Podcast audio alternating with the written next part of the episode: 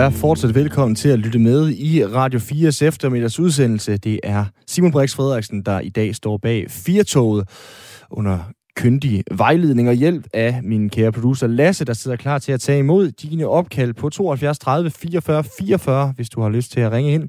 Du kan også sende en sms til 14 24 og husk at skrive R4 i sms'en, inden du sender den afsted. I øh, forrige time, der slutter vi af med at tale med Michael Ejstrup, forfatter og sprogforsker, om øh, det her med, at coronavarianterne nu skal have nye navne. Og øh, der kommer vi forskellige, forbi forskellige eksempler på, øh, hvordan øh, ord har betydning. Hvordan et sabbatår er blevet til et fjumre-år, så får det jo nærmest en helt anderledes øh, betydning. Og så er der en kære lytter, der har skrevet ind, at øh, det ikke hedder shitstorm, men gyldeskylle, så kan du jo tage den øh, med ud i virkeligheden, kære lytter. Og øh, det håber jeg, at du vil vente med at gøre, indtil klokken bliver 17. Fordi så længe er vi har nemlig i dagens udgave af Firtogen.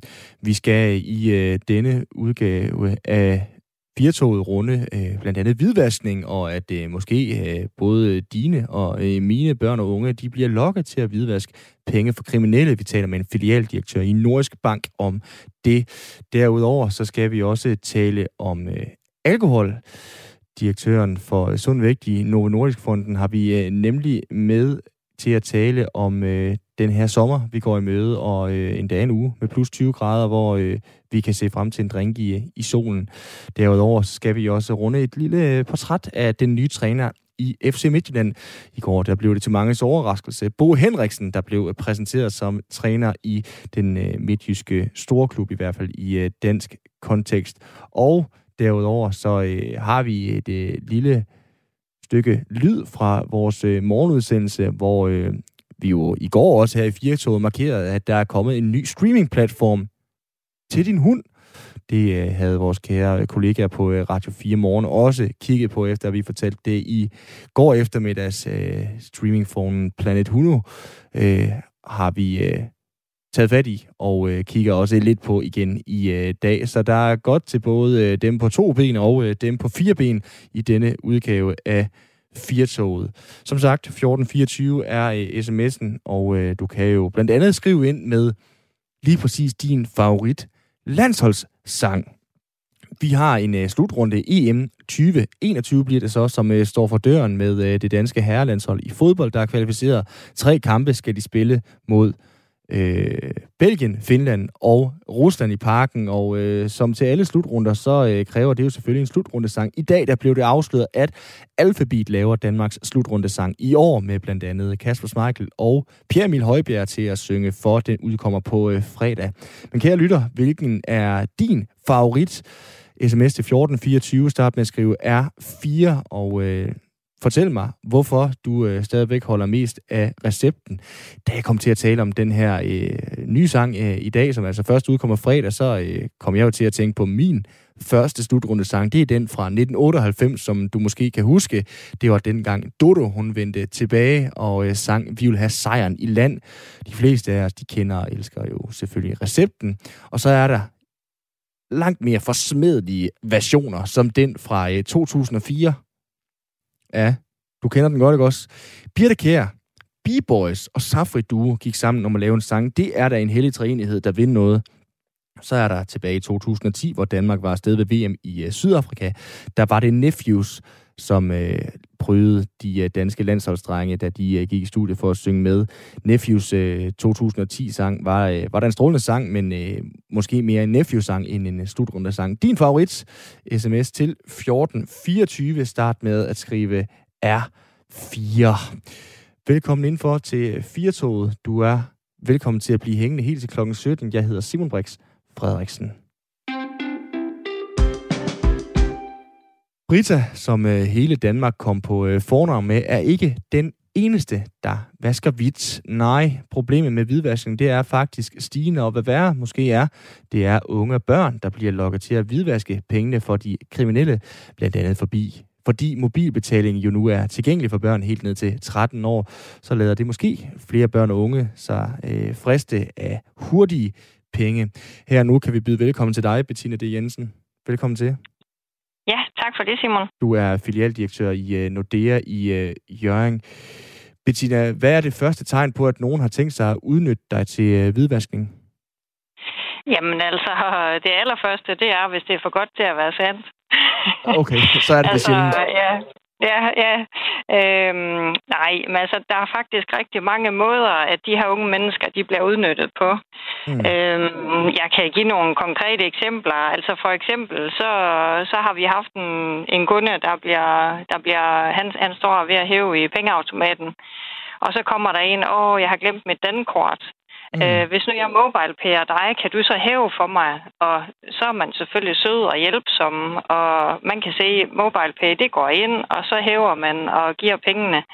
Øhm, allerede der er man faktisk det, der hedder et muldyr, hvis der er tale om, at det er hvidvaskning. Mm. Fordi at hvidvaskning er jo, øh, og det er også det, et muldyr også går ud på, det er, at man hjælper med at sløre sporet fra, hvor kommer de her penge oprindeligt fra. Mm. Ja, ja kan du og uddybe lidt, hvad er, hvad er et, et, øh, et muldyr? Uh, hvad bruges de til, de her kriminelle? Ja, altså det er en, altså sådan rent øh, juridisk set, så er det en person, som enten ved eller ikke ved, at han hjælper med hvidvask. Hmm. Øhm, og, og muldyret, jamen altså sådan rent metaforisk, så kan man jo forestille sig ud i ørkenen, der er nogen, der slæber en masse skidt øh, afsted fra A til B, hmm. og det er jo faktisk lidt det, man gør med de her øh, penge, der skal vaskes hvide. Øhm, og de kan komme mange forskellige steder fra. De her penge, det kan være, hvis der er nogen, der har fået stjålet sin, sit kort og kortoplysninger. Det kan være identiteten, man har fået stjålet. Øhm, der, der er mange måder. Øhm, mm. Vi har også her lokalt haft øh, en, der har fået øh, brugt sin konto, øh, og som som, hvor kammeraten havde sagt, åh, der er overtræk på min konto, jeg skal have solgt den her Playstation. Øh, vil du ikke, må jeg ikke have lov at, at, at bede om at få det overført til din konto? Okay. Øhm, ja, altså, og, og så kører man sådan nogle øh, ja, scams via den blå avis eller mm. et eller andet. Bettina, er det, øh, er, det, er det overraskende for dig, at de kriminelle bruger de unge? Altså, er det uden at det skal være en to-do til de kriminelle, der måtte lytte med til Radio 4? Det ja. håber jeg ikke. Men er det overraskende for dig, at de, at de bruger de unge, eller giver det god mening? Altså, det var det lidt til at starte med, fordi vi har jo ikke rigtig set det før. Øhm, men øh, sådan, altså, øh, egentlig ikke, fordi jeg kan da bare se på mine unge mennesker derhjemme, har jeg fortalt dem om, mm. øh, hvordan at man kan undgå at blive snydt, eller undgå at blive muldyr, undgå at blive, øh, øh, hvad hedder det, øh, svindlet på nettet, og passe på sine kortoplysninger, passe på sin nem idé og så videre. Mm. Altså, man kan sige, at man kan jo være helt tryg ved alle de her nye digitale ting, så længe man lader være at give det til andre.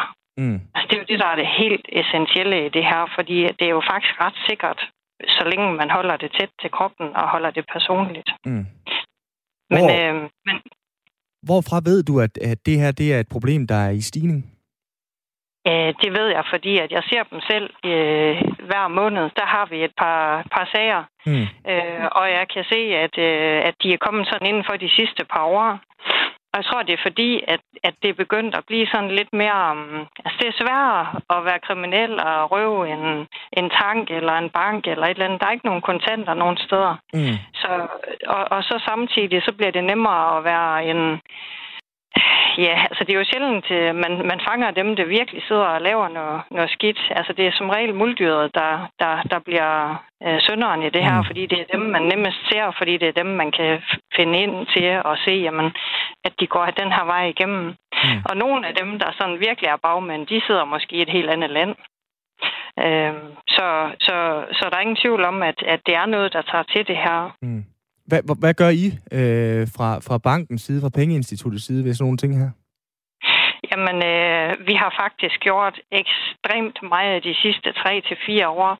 Vi har faktisk ansat 3500 sådan i rundt tal øh, de sidste 3 til fire år, som kun sidder og arbejder med, med det, der hedder AML, altså Anti-Money Laundering, som jo så er, er hvidvask på dansk, øh, som sidder og de øh, overvåger transaktioner og så videre. Hvis der nu er nogle transaktioner, der ser lidt for spændende ud.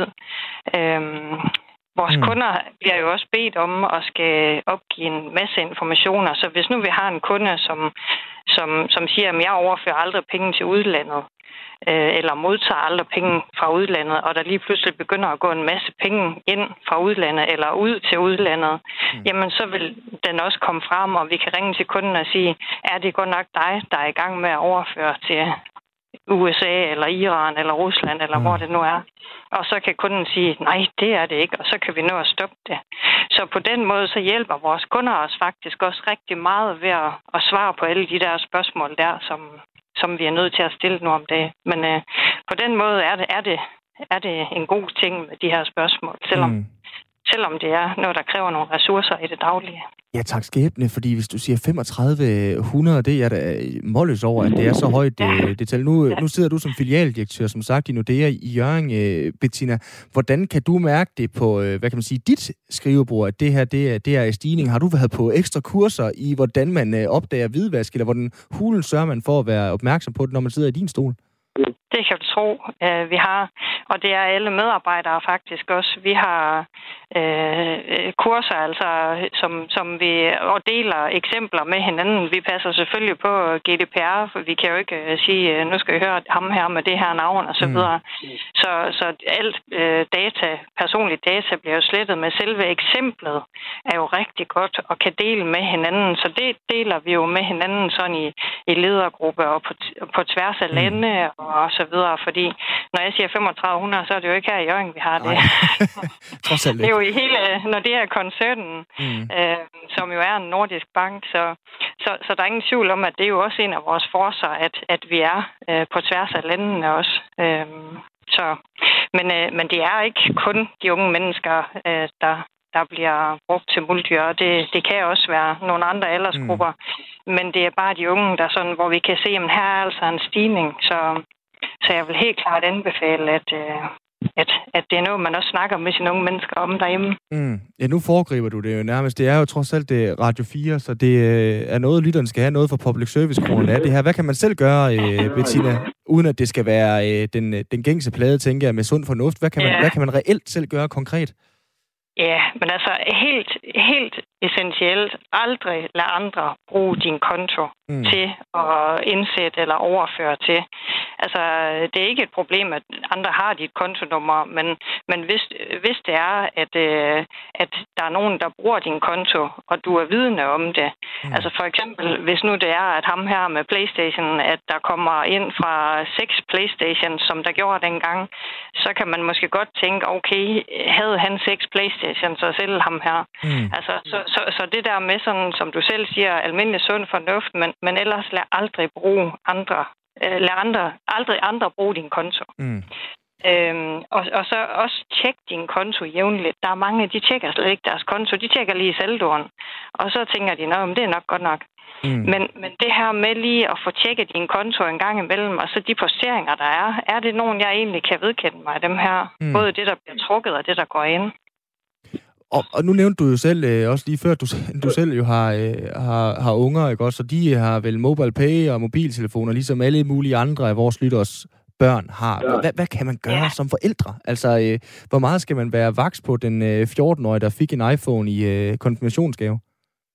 Jamen egentlig, altså man, man skal lade være med at, at, at gøre det til øh, noget farligt, fordi det er det på ingen måde. Mm. Men simpelthen bare fortælle de her unge mennesker, at uh, man giver ikke sine koder væk til sin kort, og man, man giver ikke de her kortoplysninger, dem beholder man selv. Uh, aldrig udlevere sine adgangskoder eller nemme idéer kortoplysninger. Mm. Behøver man faktisk ikke. Og så kan der være sådan noget, der hedder phishing. Øhm, det har egentlig ikke noget med muldyr at gøre, men det er en anden ting, som jeg synes, man også lige skal tage med til de unge mennesker. Mm. Fordi der kan godt komme sådan nogle mails, hvor at der står, øh, klik her og et eller andet, øh, og så udleverer man nogle oplysninger der. Og, og det vil sige, at der er nogen, der fisker efter mm. at få de oplysninger af dig. Det ser vi også, at der er nogen, der, det er der, de får deres nem idé-oplysninger igennem. Eller kortoplysninger. Bettina, er der nogle ofre, kan man sige, som, som vil være nemmere for de her øh, kriminelle end, end andre? Har du konkrete eksempler på nogen, der ligesom er lidt nemmere at, øh, at øh, fiske eller øh, få fat i for de her kriminelle end andre? Altså, det, det er faktisk mange øh, forskellige, både aldersgrupper og mm. mennesker, det her det går ud over. Men, men hvis der er nogen, der er i en vennegruppe, hvor man har nogen, man ser lidt op til, øhm, så er det nemmere at få, få dem til at sige ja til jer, og, og lige må jeg bruge din konto. Mm. Øhm, så, så, så, så jeg vil sige, hvis der er nogen, der måske har lidt svært ved at sige nej til sådan nogle ting, og, og gerne vil være populær og leve op til nogle andre og sådan noget, så skal man være lidt ekstra opmærksom. Mm. Og som vi også har øh, været sådan øh, kort omkring, altså I er jo forpligtet til at anmelde øh, nogle af de her ting til, til politiet. Og så, nu er jeg jo ikke øh, hverken øh, politimand eller, eller jurist, så jeg skal bare lige forstå, hvorfor og hvad det umiddelbart er mistænkeligt ved for eksempel en mobile pay overførsel på 3.000 kroner og så en hævning derefter. Ja, der, der er heller ikke noget mistænkeligt i, at der er en enkelt transaktion af det. Men hvis det er sådan, at man oplever, at der er flere af dem, altså, øh, så bliver det en udfordring. Øhm, og, og, og det der, der, hvor man kan se det, det er hvis nu for eksempel, at vedkommendes øh, ting, der er blevet stjålet, de, øh, der, der, der bliver jo flere transaktioner på sådan et kort der. Mm. Man jo ind, og så kan man se, jamen, hvem har så hævet? Og det er jo så muldyret, der har hævet. Øhm, og, og på den måde, så, så er det jo ikke så heldigt. Mm. Men den vil være, være, være lidt svær at spore. Mm. Men konsekvensen på det her, det er jo, at vi er nødt til at indberette det til SØIK, og det kan jo give op til et halvanden års fængsel øh, i, de, i de grældeste tilfælde. Det er voldsomt. Ja, og, og, og hvis det er, øh, at vi har en fornemmelse af, at man har vidst, hvad man har bidraget til, så bliver ens konto lukket, og man mm. bliver smidt ud af banken. Så... Og så bare lige her til sidst, øh, Bettina, fordi det er jo også lidt øh, i min verden, måske cykelrytter og dopinganalogien, jeg tænker over. Altså, hvidvaskerne og de kriminelle, vil de øh, i en eller anden grad altid være et skridt foran jer på pengeinstitutterne i sådan nogle sager her, blandt andet ved at være øh, øh, børn til at hjælpe sig? Ved jeg ikke, om du kan sige. Det er de vel altid, når de starter, men mm. på den anden side, så tror jeg faktisk, at vi er ved at være ret dygtige til det. Altså, nu kan jeg selvfølgelig kun snakke for vores egen bank, men som sagt, vi har rigtig mange ansatte, og vi mm. har fået lavet nogle rigtig gode IT-systemer. Dem, der var med i pressen for, for fire år siden, de kan bevidne, at der var vi ikke særlig gode til at fange det her. Mm. Slet ikke. Øh, der er vi altså virkelig blevet skarp, og vi har altså nogle rigtig dygtige folk siddende, både der tidligere har været politimænd og så videre, som så er blevet ansat hos os, der mm. hjælper med at opklare de her ting og se dem. Øh, og der findes et hav af eksempler på, på andre ting også. Så jeg synes faktisk efterhånden, at vi er blevet ret gode til at spotte det. Således, så, men øh, øh, det er klart, de starter jo altid et sted. Det er jo det. Og således øh, trods alt beroliget her, øh, Bettina, selvom vi starter med at fortælle, at, øh, at det altså er et problem med børn og unge, der i stigende grad bliver brugt til hvidvaskning. Tak fordi du var med her. Jamen, det var så lidt da. Bettina D. Jensen, altså filialdirektør i uh, Nordea i Høring. Du lytter til Firtoget på uh, Radio 4. Mit navn er Simon Brix Frederiksen. Ja, det er jo øh, 1. juni. Det betyder, det er øh, den første sommerdag, og forløbig holder øh, sommerværet endeligt. Vi kan se frem mod en uge endda med plus 20 grader. Mange af os har måske taget et øh, ekstra kilo eller to på her under coronaen, og vil gerne undgå for mange kalorier, men alligevel så vil vi gerne øh, have et glas vin, eller tage en øl, eller en drink i uh, solen, nu den endelig er her. Det uh, har jeg i hvert fald lyst til, og uh, slog også til i går, da jeg også uh, fik uh, grillmad. Sådan er der jo uh, så meget, men uh, spørgsmålet er, hvad vi, hvad vi ligesom skal gøre ved det her. Uh, Arne Astrup, velkommen til. Tak. Du er direktør for Sund Vægt i Novo Nordisk Fonden og tidligere leder af Institut for Idræt og Ernæring på uh, Københavns Universitet. Arne, hvilken type spiritus er der egentlig færrest kalorier i? Øl, vin eller hård spiritus? Jamen altså, i virkeligheden er det ikke så forfærdeligt relevant præcis, hvor mange kalorier der er, i det. Fordi det, der i virkeligheden er, er mest vigtigt, det er, hvordan det påvirker ens appetitregulering, og hvordan at for eksempel, at alkohol kan stimulere en til, at man får lyst til at spise noget mere, eller måske få en særlig trang til at spise noget sødt. Og det er faktisk endnu vigtigere end lige præcis, hvor mange kalorier der er i det. Okay, så det vil sige, at øh, øl øh, kan gøre mig mere sulten end vin, eller omvendt? Ja, altså det er faktisk sådan, at selvfølgelig, altså hvis man holder en eller anden så tæller kalorier, fordi man enten skal tabe sig eller tage på, mm. så er det jo klart, at altså, de kalorier tæller selvfølgelig med den værdi, man kan sidde og kigge på nogle tabeller. Men, og, og der kan man da også se, altså, hvor mange kalorier der er i et glas hvidvin i forhold til en øl, eller hvis man tager det genstand på genstand. Men det er faktisk sådan, at der er studier, der, der tyder på, at hvis man drikker vin til maden, og i det hele taget drikker vin i stedet for at drikke øl, jamen så vil vinen gøre, at man får et større trang til at spise noget sødt, noget typisk noget dessert. Mm. Og hvis man sidder og spiser sådan en træretters menu, og drikker vin til maden i stedet for at drikke øl, jamen så ser det ud som om, man spiser mere dessert helt uden at tænke over det. Og det er faktisk sådan nogle virkninger, som ser ud til at betyde meget mere. Altså noget, der opererer lidt i det skjulte og påvirker vores appetitregulering til at give flere kalorier indenbord. Og det er jo ikke helt for ingenting, at man kalder det en aperitif. Altså det betyder jo noget, der stimulerer vores sanser og vores appetit.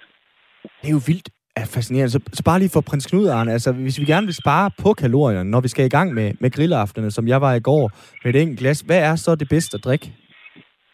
Jamen altså, så er det bedste faktisk at drikke vand. men altså, jeg går ikke ud fra, at det var det, du vil høre. Øh, så, øh, men altså, hvis, egentlig, hvis man skal gå efter, at man vil have noget alkohol, øh, og der skal være lidt fest i gaden, jamen altså, så gælder det egentlig om at drikke så fortyndede væsker som muligt. Og oversat til almindelig dansk betyder det, at hvis man er bange for at tage på, så er det super bedst faktisk at drikke lyse øl, eller altså alkoholfri øl.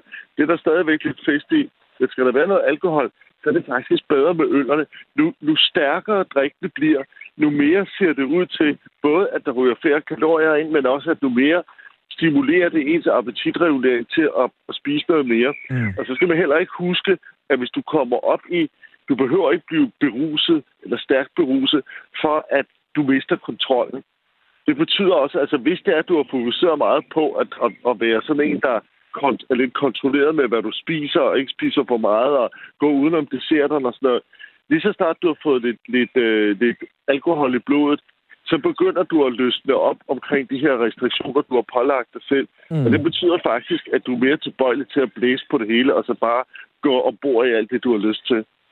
Ja, så får jeg jo lyst til øh, måske at, at vende den øh, lidt om, fordi man kan sige, jo stærkere alkohol øh, du får, øh, jo flere øh, tømmermænd, og jo, øh, jo hårdere rammer det på en eller anden måde, jo, jo også er der nogle gode argumenter så for at drikke øh, stærk spiritus, for eksempel til en grillaften. Altså, det, det kan jeg ikke rigtig finde, fordi Ej. at... Øh, altså, det er, jo, det er jo klart, at hvis man fortynder altså, med, med tilstrækkeligt meget tonic og sådan noget, jamen altså, så kan det jo komme ned i noget. Men gennemgående er sådan nogle drinks altså stærkere. Mm. Og, øh, og hvis man jo også skal se på sundhedsvirkninger, så ser det faktisk ud til, at det kun er øl og vin, der giver sådan noget med lidt nedsat risiko for, for hjertekarsygdomme og demens og, og den slags. Hvorimod, at hvis du går op i den stærke spiritus, så ser det ud til snart at øge skadevirkningerne af alkohol med altså mere kræftig svælg og spiserør og sådan nogle kedelige ting.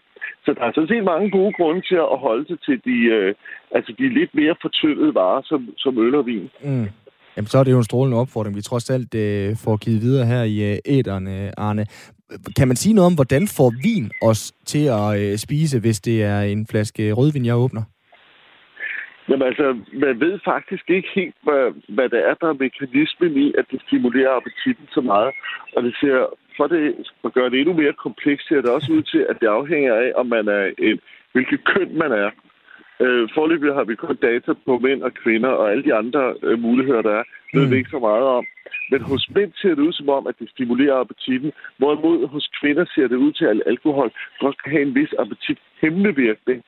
Sådan så, at, at øh, kvinder måske ikke er så tilbøjelige til at tage på, af at få et glas hvidvin eller en øl, hvorimod at hos mændene ser det ud som om, vi ligger der oveni og bliver rigtig sultne af det. Så det er jo lidt underligt, men man ved faktisk ikke, der er ikke særlig meget forskning inden for det her område, der, der er lidt underligt, fordi det er noget, der interesserer os alle sammen. Mm. Ja, det er jo bøvlet. Altså, jeg, kan da, jeg var derude at spise i øh, weekenden, hvor øh, vi diskuterede øh, min... Øh, kæreste og jeg, som er kvinde, øh, at øh, jeg gerne vil have seks retter, mens hun gerne vil have fire, men hele bordet skulle bestille det samme. Men det har altså noget at gøre med, at, at hun ikke får så meget appetit af vinen, som vi fik det til, som jeg gør for eksempel. Ja, det kunne jo godt være. Det kunne godt være. Men den anden ting er så, at, at uh, uanset hvad, hvad det er, man drikker til mad, eller om det er øl eller vin, så det er en rigtig god idé at drikke rigtig meget vand til. Mm. Og det er altså også for at forebygge tømmermændene. Hvordan fungerer det? Det fungerer på den måde, at en af grundene til, at man får tømmermænd, er, at man bliver udtørret, altså dehydreret. Og det er fordi, vin, øl og vin og alkohol i det hele taget har en vis vanddrivende virkning, sådan så at man tisser faktisk mere, end man burde. Så man bliver lidt udtørret af det, og den der udtørring, sådan hen over natten, hvor man også mister lidt væske ved, ved at svede, jamen øh, så gør det, at man faktisk også kan være dehydreret. Det kan, det kan give hovedpine. Mm. Så for at forebygge det, er det en rigtig god idé, at hver gang man tager en, en genstand, øh, øl eller vin, at man så også lige øh, tager et glas vand til, fordi så kan man forebygge, at det sker. Og hvis det så alligevel går helt galt, at man får alt for meget at drikke, og ved, uha, jeg skal faktisk op i morgen, og jeg har ikke lyst til at stå op og starte med en dag, hvor jeg har banket med tømmermænd. Så det er en rigtig god idé at, at drikke et stort glas vand, inden man, man øh, går i seng. Og der kan man eventuelt supplere med at tage et par kodimagnyler eller panodil eller sådan noget, fordi øh, så forebygger man lidt, at, at de udvikler sig så meget, de her tømmermænd. Og det er ikke bare en myte, det der med, med, med hovedpinepillerne og, og vand, inden man går i seng? Nej, det er det faktisk ikke. Øh, det, det er nogle af de mekanismer, som opererer med, når man får tømmermænd. Og ikke nok at noget af det, der giver rigtig mange tømmermænd. Det er faktisk, hvis man har rigtig, rigtig mange smøger, eller sidder i et rådfyldt lokale. Det kan altså være noget, der, der bidrager mere. Man tror altid, at det er alkoholens skyld, men i virkeligheden er, at tobakken, det er, der virkelig kan give hovedpine næste dag og gøre, at man føler sig rigtig lavsigt. Sidste spørgsmål, øh, Arne, i den her øh, public service-runde øh, om, om alkohol og, og tiden, vi går ind i. Altså, du har sat dig rigtig meget ind i, hvordan alkohol det påvirker os. Har du et råd til, hvordan vi undgår, at vi bliver for hurtigt beruset, når nu vi efter en lang coronatid igen skal ud og til grilleaftener eller fest med vennerne? Altså for det første er det vigtigt at man får noget at spise, altså at mavesækken ikke er tom. Fordi det værste, man kan gøre, det er altså at skylle noget ned på tom mave, og sætte noget med bobler i. Det går lige blodet ind i hjernen. Så sørg for at få noget at spise, før man begynder at få noget at drikke. Og hvis det er, at man kommer til noget, hvor man kommer på tom mave, fordi man skal middag, og der så er en masse drinks ind, det man eventuelt kunne gøre, det var at tage og spise et eller andet fedt inden.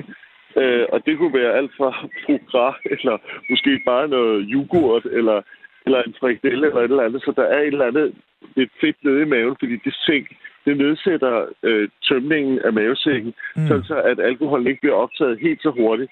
I gamle dage sagde man lige frem det der med at drikke et, et, et klart piske, inden man skulle til cocktailparty. Det var rigtig godt, så blev man ikke så beruset. Og det, der er lidt om det, fordi at øh, alkoholen bliver relativt hurtigt optaget over i blod på en tom mave, så hvis der er noget dernede, mm. og fedt er rigtig godt til at sænke, øh, hvor hurtigt at øh, mavesækken tømmer sig ned i tarmene. Arne Astrup, tusind tak, fordi du var med her. I er meget velkomne. Altså, Skål. Skål, ja. altså direktør for uh, Sund Vægt i uh, Novo Nordisk Fonden, Arne Astrup, hørte du fra her.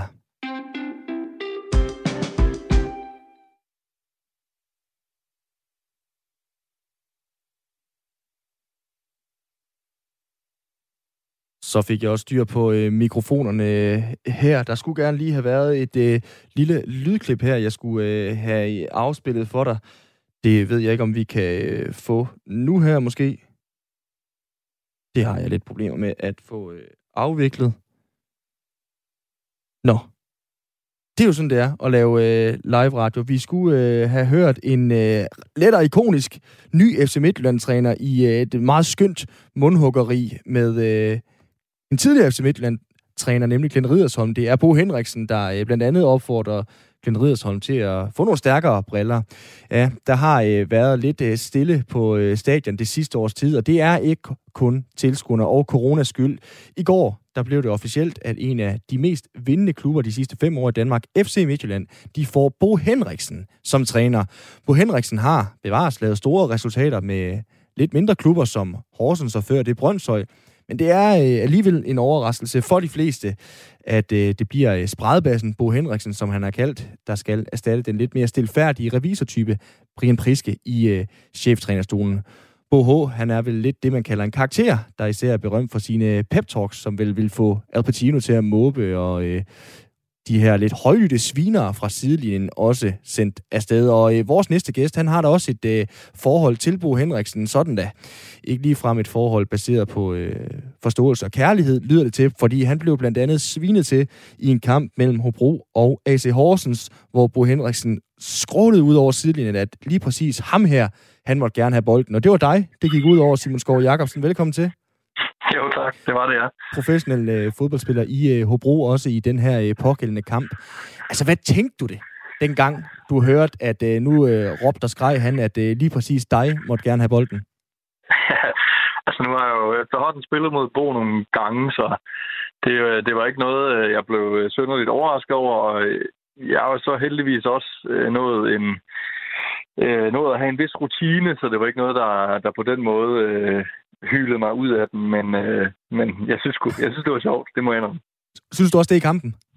Ja, det, det kan, jeg kan huske, at jeg trak lidt på smilebåndet af det, fordi altså, jeg ved jo godt, at han ikke mener noget ondt om mig, og vi drak jo også en, en øl i omklædningsrum bagefter, fordi han er gode venner med vores daværende træner, Peter Sørensen. Mm. Så, så vi sad og, og grinede af det efter kampen, og, og det vidste jeg udmærket godt, at det var, det var den øh, indgangsvinkel, han havde til det. Han, det. han bliver gejlet op i kampen, og han, han føler jo, at det gejler ham selv op, og uh, han har en, en tro på, at det gejler hans hold op, når de kan høre, at han, uh, han står og siger sådan nogle ting derude på sidelinjen, og det, det synes jeg skulle, skulle egentlig er, er meget sjovt. Ja, fordi for os, der, der bare ser kampen i tv eller på stadion, Simon, og ikke hører så meget af det her uh, trash talk, er det, er det normalt til fodboldkampe på højeste niveau i Danmark? Ja, hvis det, det, er, det er helt klart normalt øh, til en vis grad. Altså, det, det sker både inde på banen og måske i virkeligheden især der mellem øh, trænerbænkene, hvor øh, fjerdedommeren eller linjedommeren eller øh, trænerne imellem, altså hvor der virkelig kan, kan blive sagt nogle ting i, i kampens hede. Øhm, men han er selvfølgelig en, en klasse for sig, altså i hvert fald på, på volumen. Altså det er jo gennem en, en hel kamp, han, øh, han står og råber og skriger og klapper, og det er jo, det er jo blevet en del af hans, øh, hans image, og noget af det, der har virket for ham, fordi mm. han er jo han er jo, det er jo også det, folk taler om nu, han er jo først og fremmest en, en motivator. Han er jo ikke kendt som den, den store, øh, geniale taktiker og alt muligt. Han er først og fremmest motivator, og det har han lykkedes helt outstanding mm. godt med. Øh, og øh, og så, så kan jeg da godt forstå, at han bliver ved med det. Jeg skulle lige sige, det er nok øh, det spørgsmål udover, eller det job udover at være ham, der sætter klistermærker på æbler. Det at være fjerde dommer, Simon, det må være det værste i øh, Superligaen overhovedet med Bo Henriksen ved siden af. Ja, og der jeg kan hive mange andre øh, trænere, og måske i virkeligheden mere assistenttræner og målmandstræner og sådan noget ind i den der ligning, fordi der er nogen, der er helt usaglige at høre på ude på den der, ude i det tekniske felt, og det, man ser jo også tit, det er, det er jo egentlig sjældent, udover Glenn Riddersholm, så er det sjældent det træneren, der får et gult kort. Det er jo ofte øh, assistenttræneren eller en eller anden anden, man ikke engang ved, hvem er, der lige pludselig sidder derude mm. og har råbt op, og så får et gult kort. Så der sker rigtig mange ting at sige, og man skal, man skal nok være lavet noget lidt specielt som fjerdommer for at, og altid bare lige kunne, kunne holde hovedet koldt derude. Har du haft andre oplevelser med Bo Henriksen som modstander på sidelinjen, du kan huske? Ja, egentlig, altså, jeg, som, som jeg husker det, så, så har han for det meste holdt sig til at råbe til sine egne spillere. Altså, mm. det der, synes jeg, er et, er et eksempel, der, der stikker ud, at han direkte har, har råbt mod mig. Øh, ellers så har det jo været, at han, og det har vi jo også altid grint af, og nogle gange øh, sådan himlet lidt med øjnene over, at han kan have råbt ind til øh, Bjarke Jacobsen, hvis han har lavet en, øh, en øh, forholdsvis simpel øh, indersideaflevering, så råber han, det er verdensklasse, Bjarke. Øh, altså, hvor det virkelig er sådan en pumper en stemning op for, for noget, der ja, ikke øh, er det helt store, men det er sådan, det er sådan de oplevelser, jeg har ved ham, at, at han, han står derude hele kampen og pumper sit, øh, sit hold op øh, på selv de mindste ting. Og igen, det har virket for ham.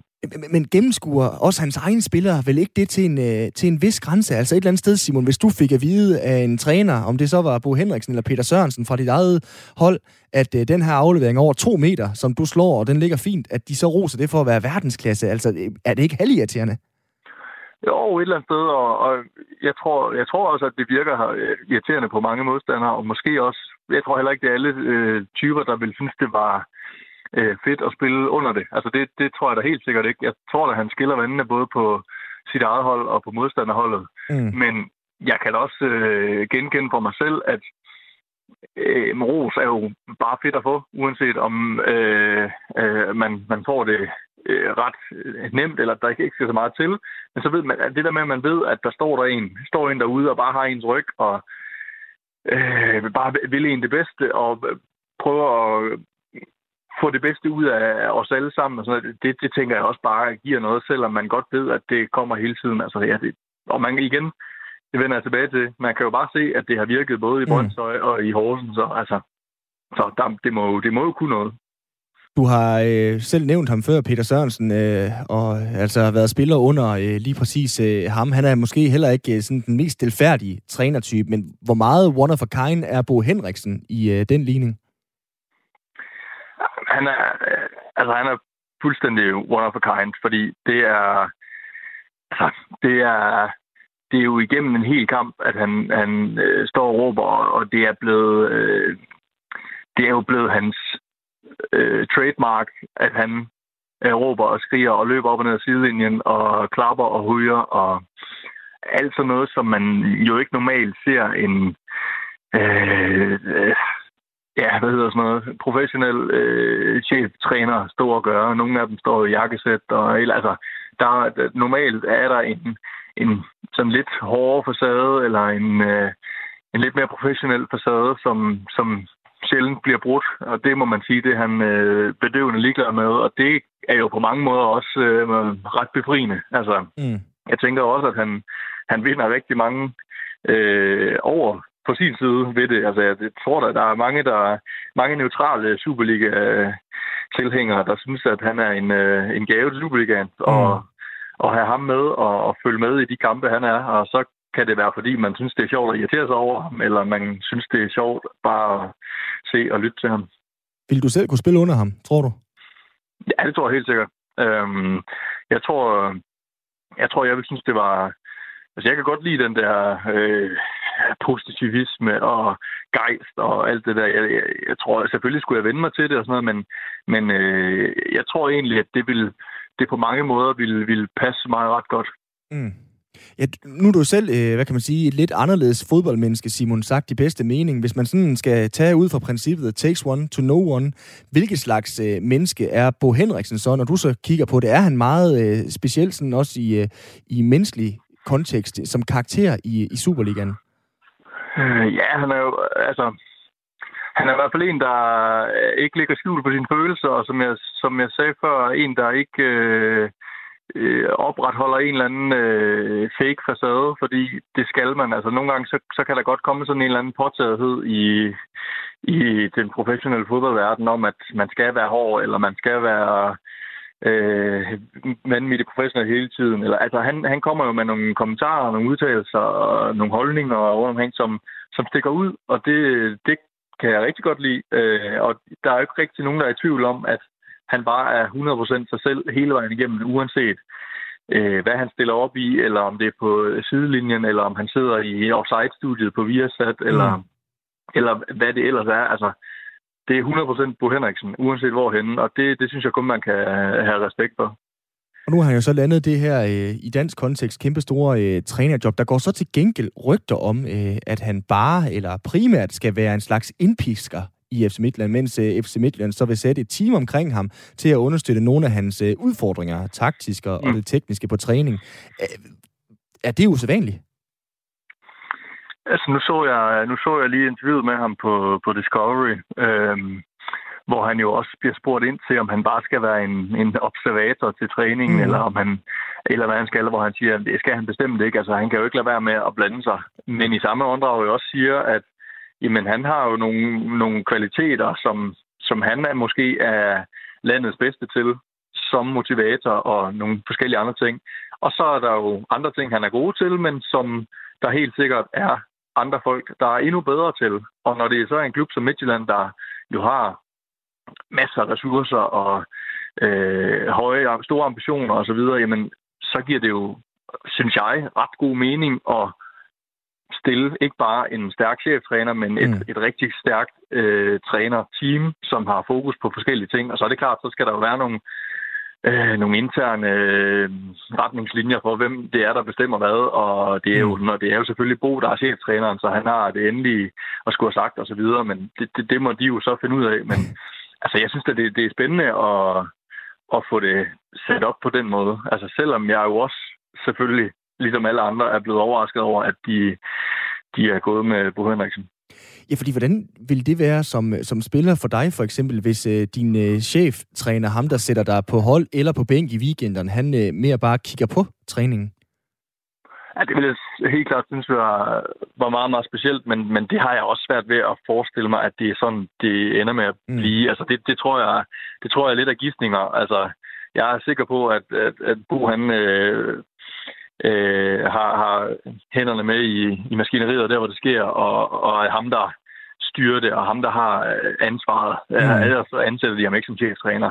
Og så synes jeg, at vil jeg helt sikkert sagtens kunne indordne mig efter, at der er så nogen, der har ansvaret for det analytiske, eller ansvaret for øh, det offensive, eller hvordan det nu bliver, mm. bliver inddelt. Altså det, det, det kræver jo bare, at, at der er en, en forståelse for det hele vejen rundt, og det må de jo så få, få kommunikeret ordentligt, ordentligt ud og sørge for at rette sig efter. Altså det, det synes jeg umiddelbart ikke er et problem. Altså det, det er et problem, hvis han bare skal stå og, og kugelure og observere, og så ellers øh, øh, tage beslutninger inde på trænerkontoret. Altså, det, det, det dur ikke, men det er simpelthen også overbevist om, at det, det ikke er sådan, det skal ske.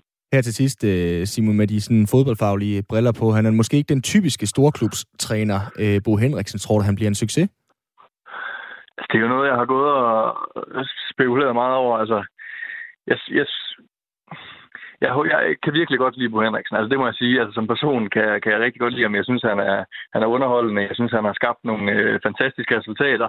Men jeg, har, jeg må også bare sige, at jeg har svært ved at se ham passe ind i øh, Midtjyllands øh, setup derude. Altså, vi har været inde på, du har nævnt, at han har skabt store resultater for nogle mindre klubber. I Brøndshøj var han fantastisk. I Horsens i mange år var han helt fantastisk. Skabte øh, store ting med, med meget, meget øh, lave budgetter nu skal han ud og have gang i nogle store stjerner. Altså, jeg, jeg har jeg har lidt svært ved at købe ind på, at Evander og Sisto og Kabar og øh, hvad de ellers sidder, øh, og selvfølgelig om de overhovedet er der, men, men hvad de ellers sidder, at de skal skulle tage ind, at han står og råber og skriger af dem til interval, eller står og råber og skriger af dem øh, under kamper. Altså, det har jeg lidt sværere ved at se for mig, men, øh, Altså, jeg, jeg kan kun håbe alt det bedste for Bo. Det er så bare ærgerligt, at det lige er Midtjylland, fordi dem, øh, dem kan jeg så ikke rigtig håbe det bedste for. Nej, der er vel noget med en, en fortid med Silkeborg, er der ikke det, Simon? Ja, ja præcis. Tusind tak, fordi du var med her. Det var så let. Simon Skov øh, Jacobsen, øh, professionel fodboldspiller i Hobro for nuværende. Vi må se, om øh, han skal stå model til flere æder forbandelse fra Bo Henriksen. Det her, det var vores øh, lille forsøg på at indkapsle øh, den nu kommende FC Midtjylland-træner øh, Bo Henriksen. Det betyder, at manden, der ansatte ham, Claus Steinlein, en af dansk fodbold store mænd, startede som akademichef i Midtjylland, blev sportschef og nu er direktør for FC Midtjylland. Han har tidligere handlet med Bo Henriksen, blandt andet om købet af Jonas Boring, hvor Steinlein og øh, Bo Henriksen, de øh, havde en lille transferdans. Det øh, har været berørt i fire på foden. Prøv at lytte med her. Vi har aftalt, at jeg lige skal fortælle en lille historie, en lille anekdote fra noget af jeres liv i fodbold. Steinlein, vil du starte? Ja, det kan jeg godt. Fordi jeg havde egentlig ikke tænkt på den, før jeg kom i studiet, men så kom Bo ind, og så kunne jeg ikke lade være med at fortælle den, fordi jeg har engang taget røven lidt på Bo. Vi skulle sælge boring til Horsens, og vi har jo godt samarbejde, og jeg sætter pris på den måde. Bo, han er ærlig og direkte og siger, jeg har råd til det her, og, og så presser vi hinanden lidt, og så griner vi og, og joker lidt med hinanden. Så jeg skulle sælge boring til, til Bo. Øh, og det er altid mig, der står for Horsens, fordi øh, det er forskelligt. Nogle gange sælger Rasmus, nogle gange sælger Svend, men lige Horsens, der, den tager jeg selv, for jeg synes, det er så sjovt med Bo. Så Bo og mig, vi diskuterer lidt, og vi bliver enige om, jeg tror, det er 5-600.000 øh, kroner, vi bliver enige om. Øh, og jeg, så, så Bo, han gider ikke lave kontrakten, så der har jeg nogle dygtige folk, øh, Anita og Lene, og det her det er Anita, dengang hun var sekretær, så jeg får hende til at lave kontrakten, og så siger jeg til hende, i stedet for at der står 600.000 plus alle mulige bonusser, så siger jeg, at der skal stå 600.000 euro. Fordi vi er jo en international klub, så vi forhandler kun i euro, siger jeg så. Så jeg sender kontrakten til Bo, så i stedet for, at der står danske kroner, så står der euro. Og så sidder jeg faktisk til møde med Christian, som er Bo's uh, chefkollega nede for, for Horsens. Og så kan jeg se, at Christian han rejser sig fra det der møde og går ud og kommer lidt rødmusset tilbage. Og han, han er lidt spændt og sådan noget. Og i Horsens, der går, altså, Bo, ved du ikke, om det er euro eller danske kroner, vi har forhandlet, ikke? Og, og da Bo så ringer til mig, så siger jeg, selvfølgelig er det euro, Bo. Vi er en international klub, troede det, det var danske kroner. Så meget så billigt kan du ikke få, øh, så få Bo, ikke? Og så griner jeg, så får vi selvfølgelig om på kontrakten. Men uh, jeg synes selv, det var en sjov, sjov joke, jeg lige lavede med Bo. Og jeg ved, så slutningen af transfervinduet, der er man jo lidt presset, så det... Men det var ikke nogen joke, han mener det jo. Han prøver at snyde mig. altså, det, altså, altså, de eneste to, der prøver at snyde mig, det er ham, og så uh, Troels Bæk gjorde det også. Altså, det var, det var uh, jeg tror, vi skulle sælge Ronhøv til ham, uh, hvor, hvor det er, vi så bliver enige om et eller andet beløb, og så har han så simpelthen bare smidt, uh, smidt uh, taget momsen ud. altså, det vil sige, at han prøver at snyde mig for 800.000, ikke? Altså, ligesom om, at altså, det kan godt være, at jeg er langt hårdt, og ser lidt, selv, selv et halvt dum ud, ikke? Men altså, det, det eneste, jeg kan finde ud af, det er matematik. Ej, jeg håbede, han betalte det der, du ved, og godkendte den, for så ville jeg virkelig have noget for men, men, men jeg vil selvfølgelig, jeg vidste, det var danske kroner, så altså, det, det, synes jeg, det var meget sjovt, og noget, man normalt ikke lige kan fortælle ude i, i æderen.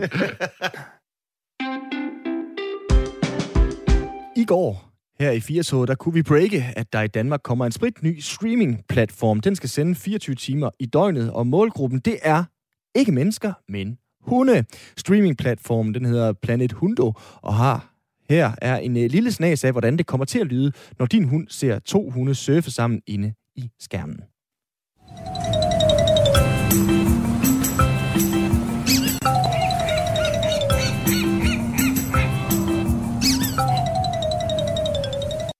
I morges talte Radio 4 Morgen med øh, Jesper Grønholdt, der er direktør og stifter af Planet Hundo, og han kan blandt andet fortælle, hvad hunde lige præcis elsker at se i fjernsynet. Prøv lidt med her. Ja, men øh, hunde, de, de kan godt lide at se andre dyr, faktisk. Øh, det, det er nok det, de synes er allermest spændende. Altså det, man skal huske med, med Dog TV, det er jo, at øh, ja, ligesom alle andre tv-stationer, så har vi også en programplan, og øh, det er ligesom delt op i tre segmenter. Vi har noget, der stimulerer hunden, og så har vi noget, der skal have den til at slappe af, og så har vi noget, der hedder eksponering, hvor vi ligesom vender den til nogle lyde, som, øh, ja, det kan være trafikstøj, og det kan være fyrværkeri, at den ligesom lærer at slappe af i forhold til de lyde. Øh, det vi mennesker synes er sjovest ved Dog TV, det er nok det, der hedder stimulering, hvor man kan se hunden interagere med, med tv-skærmen på alle mulige måder. Øh, men det hunden synes er, er sjovest, og egentlig det, der er vigtigst ved Dog TV, det er det hele afslappningssegmentet, som er det, der, der fylder mest på kanalen. Mm. Og der sidder hunden simpelthen og kigger ud på vandet og øh, ser fugle og, og insekter og så videre og slapper fuldstændig af. Altså, nu er, altså, øh, det er jo sådan, at øh, nu, nu får vi forholdsvis få sms'er fra hunden herinde på Radio 4. Hvorfra ved du, at øh, de hunde, hunde kan godt lide at se det her? Jamen, det ved vi fra, at øh, det er jo et amerikansk selskab, og øh, det startede helt tilbage i 2012, og desværre er der ikke så mange danskere endnu, der kender til Dog TV. Øh, men der gjorde man det, at man gik ind og har kigget på diverse øh, forskning omkring hunde, deres adfærd og deres sanser, Øh, og der har man så prøvet på at strække noget indhold sammen, øh, baseret på 60 videnskabelige studier. Og derudover så har man testet det af på øh, 38 hunde, øh, hvor man har overvåget dem i, øh, i døgndrift for at se, hvordan de reagerer. Dels de hunde, der har mulighed for at se dog-tv, dels øh, folk, der bare havde sat almindelig tv til, og så nogen, der ikke brugte tv overhovedet. Og der var det altså helt markant den øh, indflydelse, som dog-tv øh, gav hunden i forhold til at, at slappe af og komme af med angst og sådan nogle ting. Øh, og jeg skal da ærligt indrømme, altså jeg var da selv skeptisk, da jeg hørte om Dog TV første gang.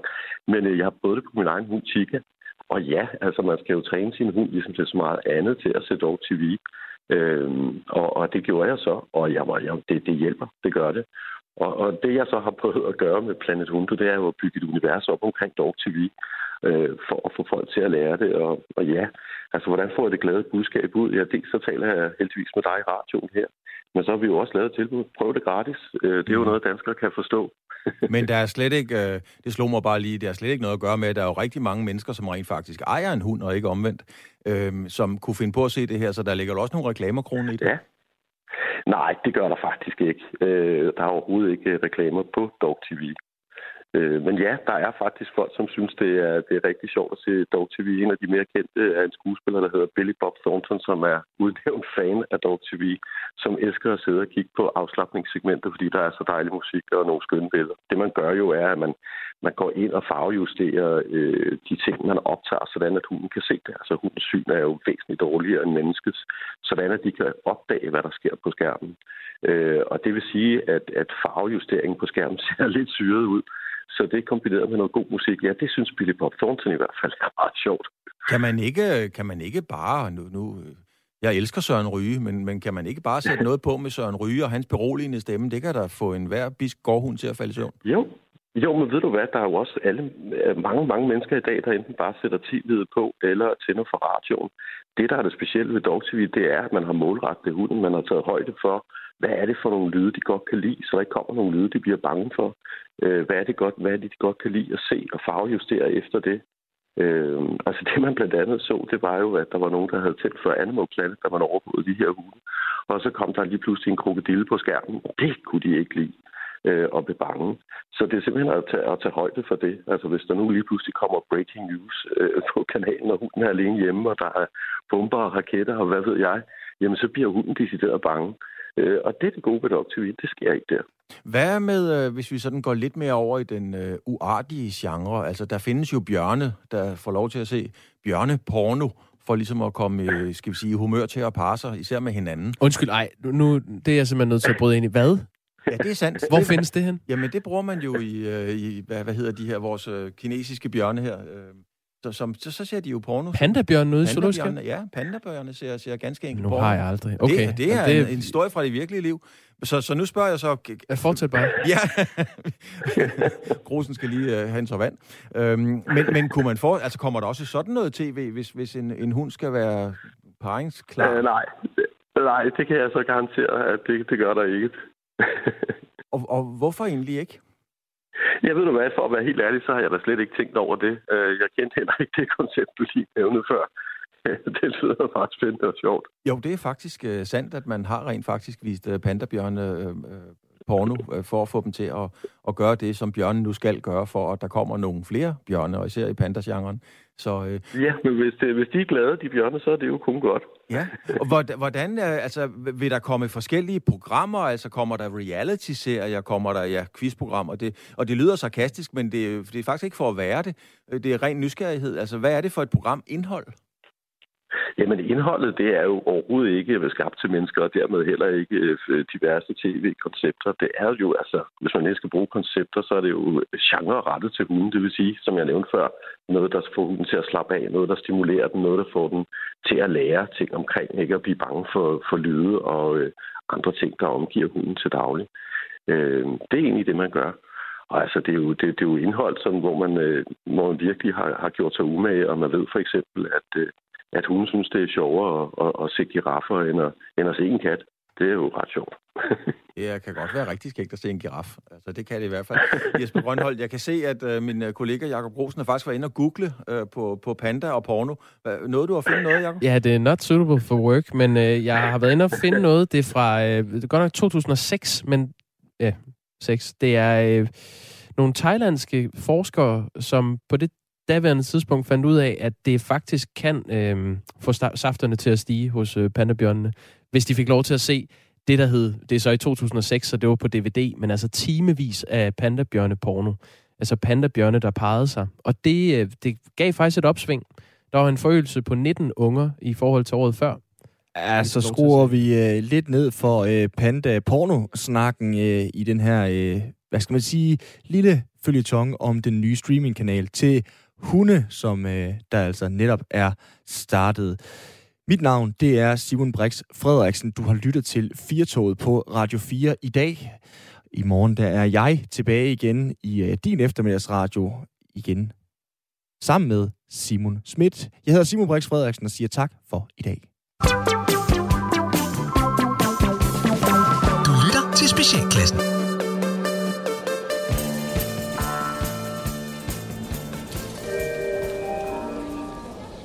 Ja, så står jeg her på Aarhus Hovedbanegård igen for at spørge en tilfældig dansker, hvor han eller hun er på vej hen. Og nå, men så kommer en ældre dame her. Und, undskyld mig, fru. Undskyld, det er fra radioen. Jeg vil høre, om jeg lige må snakke med dem. Jamen, det må du da gerne. Ja. Nå, hvor er du så øh, på, eller de, på vej hen? Øh, øh, jamen, det, det er jeg er egentlig på vej hen. Men, øh, men jeg hedder Remor, og jeg har lidt bøvl med at finde mit barnebarn. Åh oh, nej, dog. Er der et barn, der er blevet væk? Ja, ja men øh, jeg tog en lur omkring Fredericia, så var hun væk. Hun, hun er cirka så høj her, hedder Liselotte og er to og et halvt år gammel. Hun er det, fuld af løjer. Ja, det var da frygteligt. Kuckuck! Vi skal da lige være simpelthen. Er du, er du sikker på, at, at, at Liselotte har forladt toget? Jamen, det ved jeg jo ikke. Nej, men... Det, er- det er jo ikke... Det, men altså, hun, jeg har let og let på den her station og i Skanderborg, og jeg har let på alle stationerne siden i onsdags. Kuk, kuk, Undskyld. Øh, øh, kuk. Rigmor, jeg bliver lige nødt til at høre. Tror, tror du ikke, at vi skal ringe til nogle myndigheder? Fordi der må der være nogen, noget politi eller et eller andet, fordi hvis hun har været væk siden det, onsdag... det, det, det hjælper ikke noget, fordi det vil være sådan, at så bliver min datter så tosset på mig. Det bliver hun altid, når hendes datter bliver væk. Men... Kuk, kuk, Ja, okay. kuk, kuk. Men tak.